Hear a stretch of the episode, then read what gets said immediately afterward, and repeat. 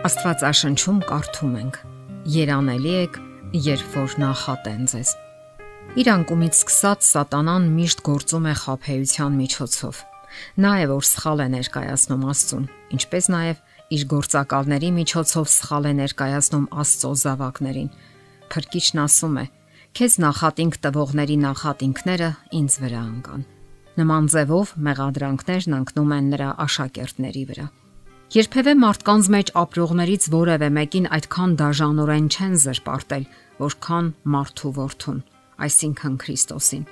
Աստծո սուրբ օրենքի սկզբունքներին անշեղորեն հնազանդվելու համար նա ենթարկվեց ծաղրուծանակի։ Նրան ատել են առանց որևէ պատճառի։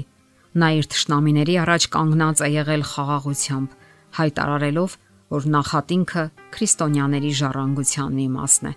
եւ իր հետևորդներին խորհուրդ է տվել, թե ինչպես հանգցնեն ճարի ամեն նետերը, հրամայելով նրանց չտկարանալ հալածանքի մեջ։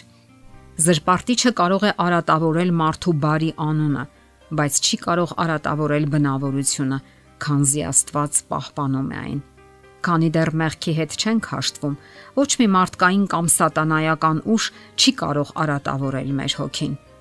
Այն մարդը, որը ապավինում է Աստծուն, ամենածանր փորձության ժամին ու ամենահուսալքող միջավայրում էլ կլինի նույնը, ինչ եղել է բարեհաջող հանգամանքներում, եւ Աստծո լույսն ու շնորհը նրա վրա կլինի։ Նրա խոսքերը, մղումներն ու գործերը կարող են սխալ մեկնաբանվել, կեղծվել, բայց նա այդ ամենի վրա ուշադրություն չի դարձնում, քանի որ ունի ավելի առաջնային հետաքրքրություններ։ Մովսեսի նման նա տոկում է, որովհետև տեսնում է անտեսանելուն տեսնողի պես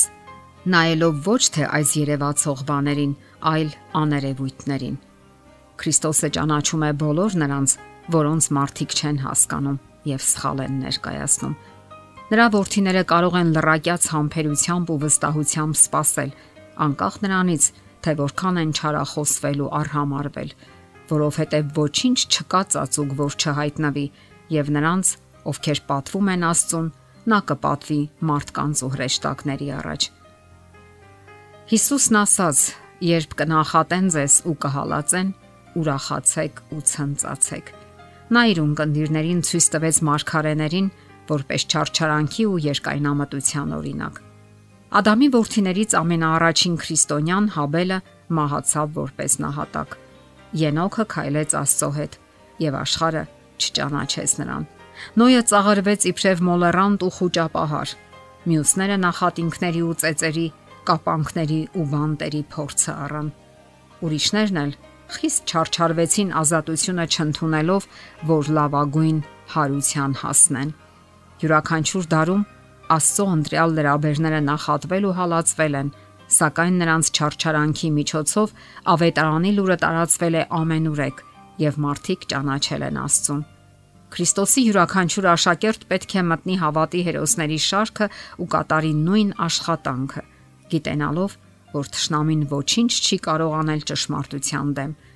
Աստված մտադիր է, որ ճշմարտությունը դառնա հարցակնման ու քննարկման առարկա։ Մարդկանց միտքը պետք է արթնանա։ Ամեն մի պայքար, ամեն մի մեղադրանք, ամեն մի ջանք, որ փորձում է սահմանափակել խղճի ազատությունը, Աստծո միջոցներն են, արտնասնելու այն մարդկանց, որոնք հակառակ դեպքում կքնեին որքան հաճախ է այդ հետևանքը երևում Աստծո լրաբերների պատմության մեջ։ Երբ ազնվաբարու Պերճախոս Ստեփանոսը քարկոծվեց Ատյանի խորհրդականի սադրանքով, ավետարանի գործին ոչ մի վնաս չհասցվեց։ Երկնքի լույսը, որը լուսավորեց նրա դեմքը, Աստվածային կարեկցանքը հոգին ավանդողի աղոթքի մեջ համոզմունքի սուր նետերեին Ատյանի մոլերանտ անդամների համար Փարիսեցի Սողոսը, որ մի ժամանակ հալածում էր քրիստոնյաներին, դարձավ Քրիստոսի անունակրող մի ընտիր անոթ հեթանոսների, թակավորների ու Իսրայելի որդիների համար։ Երկար տարիներ հետո հասակն առած Պողոսը գրում է Հռոմի բանտում. Ոմանք նախանձով եւ հակառակության պատճառով են քարոզում Քրիստոսին եւ ոչ թե անկեղծ կարծելով, թե իմ կապանքների վրա նեղություն կբերեն։ Բայց ինչ, ինչ կերպով էլ որ լինի, թե պատճառանքով եւ թե ճշմարտությունով Քրիստոսն է քարոզվում։ Պողոսի բանտում գտնվել նոժանդակեց, որ ավետարանը տարածվի ամենուրեք։ եւ կայսեր արքունիքում շատ հոգիներ շահվեցին Քրիստոսի համար։ Նույն կերպ եւ սատանայի ջանքերով էր, որ Աստծո խոսքի անապական սերմը, որը կենթանի է եւ հավիտենական, ցանվեց մարդկանց սրտերում։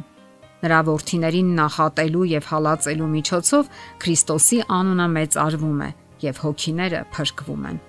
Նրանք, ովքեր վկայել են Քրիստոսի մասին հալածանքի ու նախատինքի միջոցով, նրանց վարձքը մեծ կլինի երկնքում։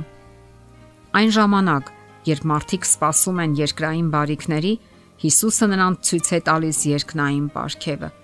բայց այդ բոլորը նա չի տալիս միայն ապագա կյանքում, այն սկիզբ է առնում այստեղ։ Հնում Տերը հայտնվել է Աբ รา համին ու ասել. Ես քեզ համար վահան եմ, քո վարձքը խիստ շատ է։ Այս է վարձքը բոլոր նրանց, ովքեր հետևում են Քրիստոսին։ Իսկ դա նշանակում է ներդաշնակ լինել նրա հետ, ճանաչել նրան, պատրաստ լինել ընդունելու նրա հատկանիշները, ճանաչել նրա սերն ու զորությունը, տիրապետել Քրիստոսի անասելի հարստությանը,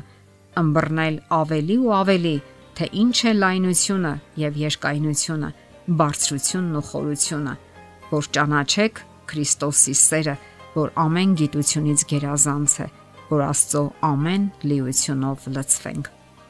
Դա այն ուրախությունն էր, որ լցրել էր Պողոսի ու Շիղայի սրտերը, երբ նրանք կեսգիշերով աղոթում ու երկով փառաբանում էին Աստծուն Ֆիլիպեի բանտում։ Քրիստոսն այնտեղ նրանց կողքին էր։ Նրա ներկայության լույսը երկնային պալատների փառքով հանդերձ ճառագել է խավարի մեջ։ Գտնվելով Հռոմում, տեսնելով ավետարանի տարածումը, Պողոսը անուշադրության մատնելով իր կապանքները գրել է. Սրա համար ուրախ եմ եւ ուրախ էլ կլինեմ։ Քրիստոսի լեռան քարոզում ասված այս մեծ արժեք խոսքերն իրենց արձագանքը գտան Պողոսի Ֆիլիպեցիների եկեղեցուն ուղված լուրում, երբ նրանք գտնվում էին հալածանքների մեջ։ Ուրախ եղեք Տերում ամեն ժամանակ։ Դարձյալ ասում եմ, ուրախ եղեք։ Այս ուղերձը նաև մեզ համար է ամեն ժամանակ ուրախ լինենք, եթե Քրիստոսի հետ ենք։ Եթերում է ղողանջ հավերժության հաղորդաշարը։ Ձեզ հետ է Գեղեցիկ Մարտիրոսյանը։ Հարցերի եւ առաջարկությունների համար զանգահարել 033 87 87 87 հեռախոսահամարով։